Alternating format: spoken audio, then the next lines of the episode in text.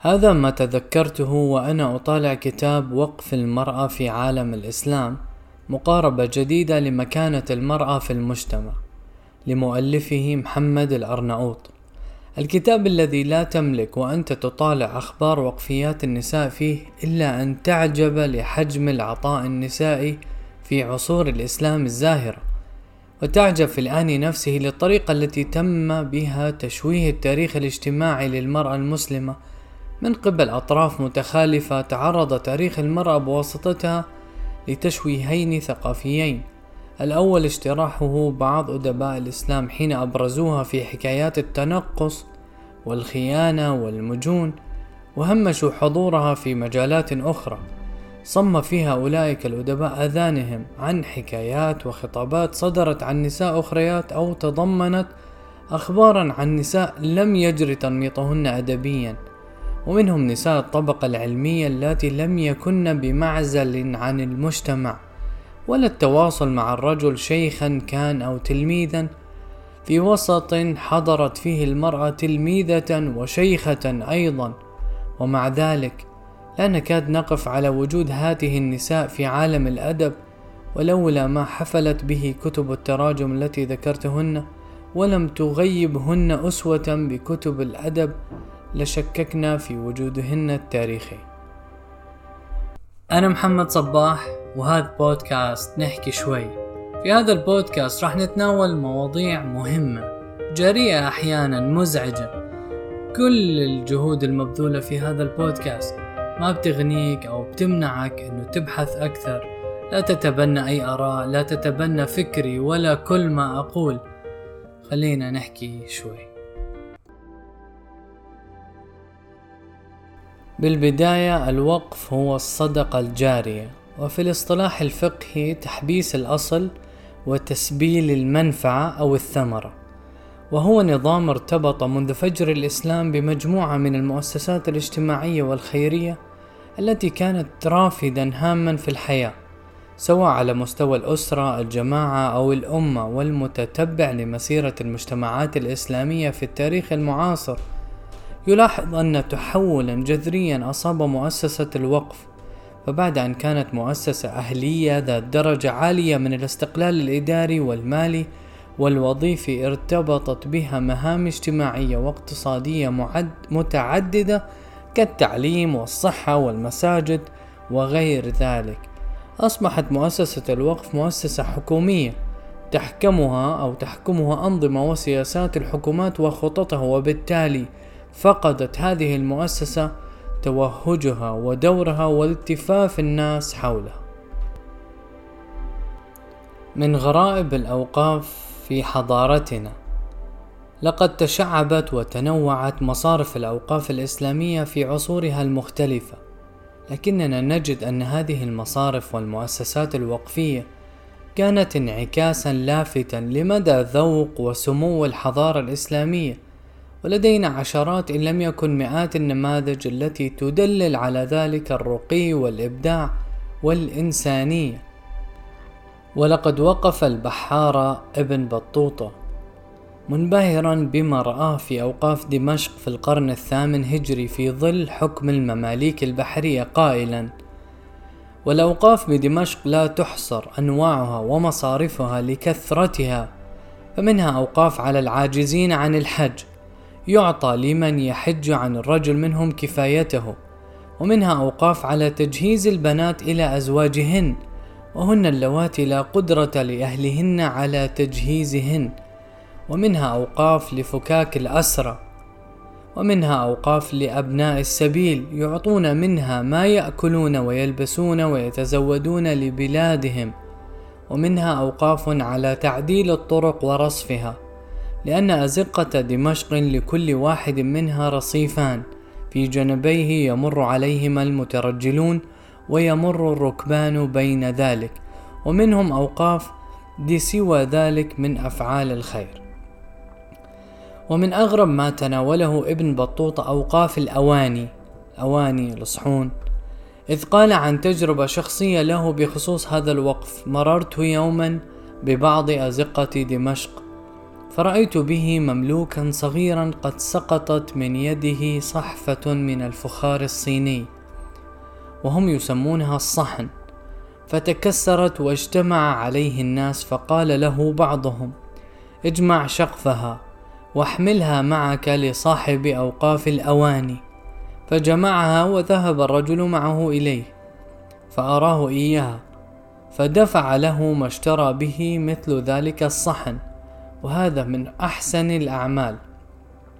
فإن سيد الغلام لب... الذي كسر الصحن لابد له أن يضربه على كسر هذا الصحن أو ينهره وهو أيضا ينكسر قلبه ويتغير لأجل ذلك. فكان هذا الوقف جبرا للقلوب. جزى الله خيرا من تسامت همته في الخير إلى مثل هذا. وابدع المسلمون في وقف المستشفيات حتى إننا وجدنا في ذلك العصر شروطا تدل على مدى التقدم والرحمة التي بلغتها هذه الحضارة آنذاك. فلقد كان يذكر في نص الوقفية وجوب تقديم طعام كل مريض في إناء مستقل خاص به من غير أن يستعملها مريضا آخر. ووجوب تغطيتها وإيصالها إلى المريض بهذا الشكل. وقد خصص في البيمارستانات أو المستشفيات قاعات مستقلة للمؤرقين من المرضى إذ كانوا يعزلون فيها فيشنفون آذانهم بسماع الأناشيد والاستماع إلى القصص التي يرويها عليهم القصاص حتى يغلبهم النوم. وقد ظلت هذه العادة حتى دخول الحملة الفرنسية إلى مصر عام 1798 ميلادي. فشاهدها العلماء الفرنسيون بأنفسهم وكتبوا عنها. ننتقل إلى العهد العثماني من الأوقاف الغريبة والنافعة في عهد العثمانيين. ما ذكره الدكتور مصطفى السباعي رحمه الله أنه حكي له عن وقف غريب في مدينة طرابلس الشام. كان ريعه مخصصا لتوظيف اثنين يمران في المستشفيات يوميا. فيتحدثان بجانب المرضى حديثا خافتا ليسمعه المريض بما يوحي له بتحسن حالته واحمرار وجهه وبريق عينيه. المقابل اليوم الدكتور بكون صريح معك حتى لو بدك تموت.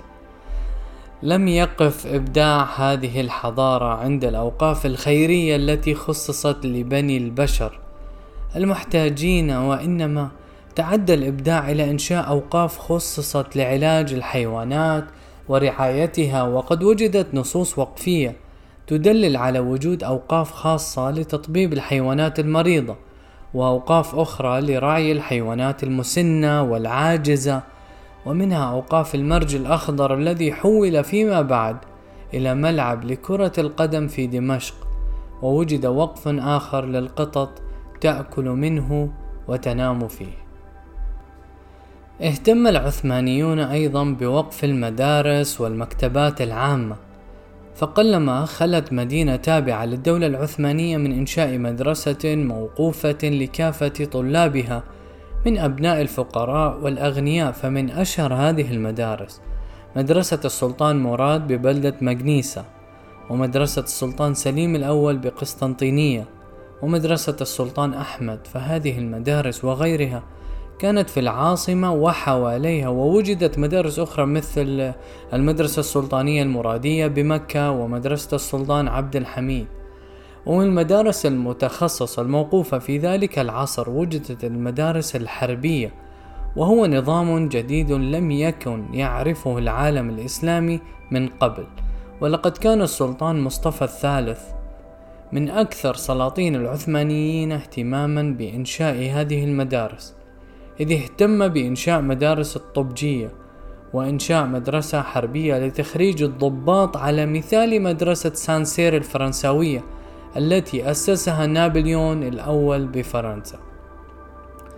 وتنوعت الأوقاف العلمية في ذلك العصر حيث إن هناك من أوقف أوقافا عجيبة للجامع الأزهر كان بمثابة جامعة كبرى لتضمن حسن سير العملية التعليمية أو حسن سير العملية التعليمية وتوفر أكبر قسط من الراحة للمدرسين. ومن هذه الأوقاف وقف البغلة وهو وقف خصص للإنفاق على البغال التي يركبها المدرسون بالجامع الأزهر لضمان الراحة لهم. سبحان الله. ومن الأوقاف الغريبة واللافتة في ظل هذه الدولة وجدنا أوقافا لإعارة الحلي والزينة في الأعراس والأفراح. فيستفيد من هذا الوقف الفقراء والعامة بما يلزمهم من الحلي لأجل التزين بها في الأعراس والحفلات. حتى إذا انتهت تلك المناسبات أعادوها إلى موضعها فيتيسر للفقير أن يكون يوم عرسه بحلة لائقة ولعروسه أن تحل بحلية جميلة لا تكلفها شيئا. مما يدخل عليهما السرور والسعادة وينسيهما ألم الفقر والفقد. حاول عزيزي المستمع أن تقارن ما أقوله أو ما حدث بالتاريخ وما يحدث اليوم. كل ما أقوله موجود الآن ولكن بمقابل مادي. نذهب إلى المغرب العربي أوقاف الأندلسيين. وهي من النماذج الراقية والجميلة التي تكشف لنا البعد الإنساني والتكافلي بين أبناء هذا الإقليم المفقود. فقد قامت تلك الأوقاف بعد محنة الأندلسيين الذين نزحوا إلى المغرب العربي واستقروا في المدن الساحلية المغاربية وساهموا في الحرب ضد الإسبان منذ القرن السادس عشر الميلادي. قامت بإعانة الأندلسيين اللاجئين الفارين من جحيم الاضطهاد الإسباني الكاثوليكي وذلك تخفيفا لمعاناتهم وجبرا لخواطرهم من ألم الفقد والطرد والحرمان. ومن اللافت أن المسلمين قد سبقوا العالم الغربي بثلاثة عشر قرنا في ميدان الأوقاف. ذلك الميدان الذي ضمن لهم قدرة غير مسبوقة لإشراك المجتمعات المدنية الإسلامية ومساهماتها الفاعلة والمؤثرة في مسيرة حضارتنا. وجدير بالذكر أن أول الأوقاف الغربية ذات النفع العام كان وقف كارنيجي الذي أسس السيد أندرو كارنيجي عام 1911 ميلادي في الولايات المتحدة ووقف روكفيلر.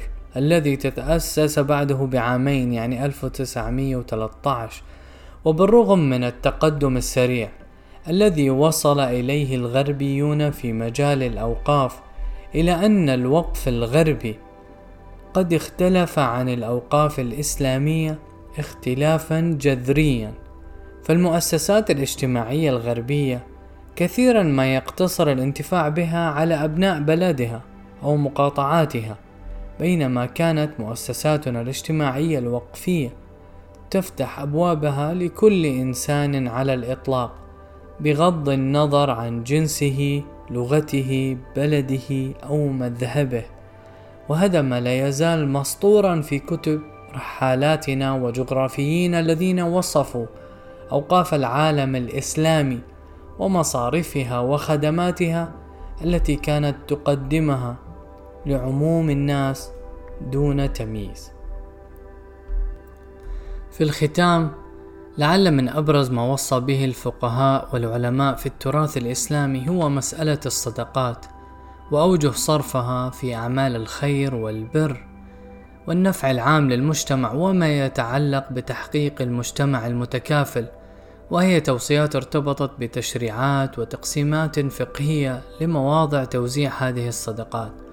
وقد أثبت المجتمع الإسلامي منذ نشأة الدولة في المدينة وحتى العصر العثماني قدرته على إنتاج مؤسسات للنفع العام والخدمات الاجتماعية في الطب، التعليم، السكن والغذاء والإغاثة والتي قامت على مبدأ المبادرة من صدقات الأغنياء وأخذت شكل الوقف الذي كان أهم مورد من موارد الخدمات التي تمتلك إطارا مؤسساتيا آنذاك. ويعود الوقف بحسب ما يقول الفقهاء إلى حديث النبي صلى الله عليه وسلم. إذا مات الإنسان انقطع عمله إلا من ثلاث صدقة جارية أو علم ينتفع به أو ولد صالح يدعو له. سلام.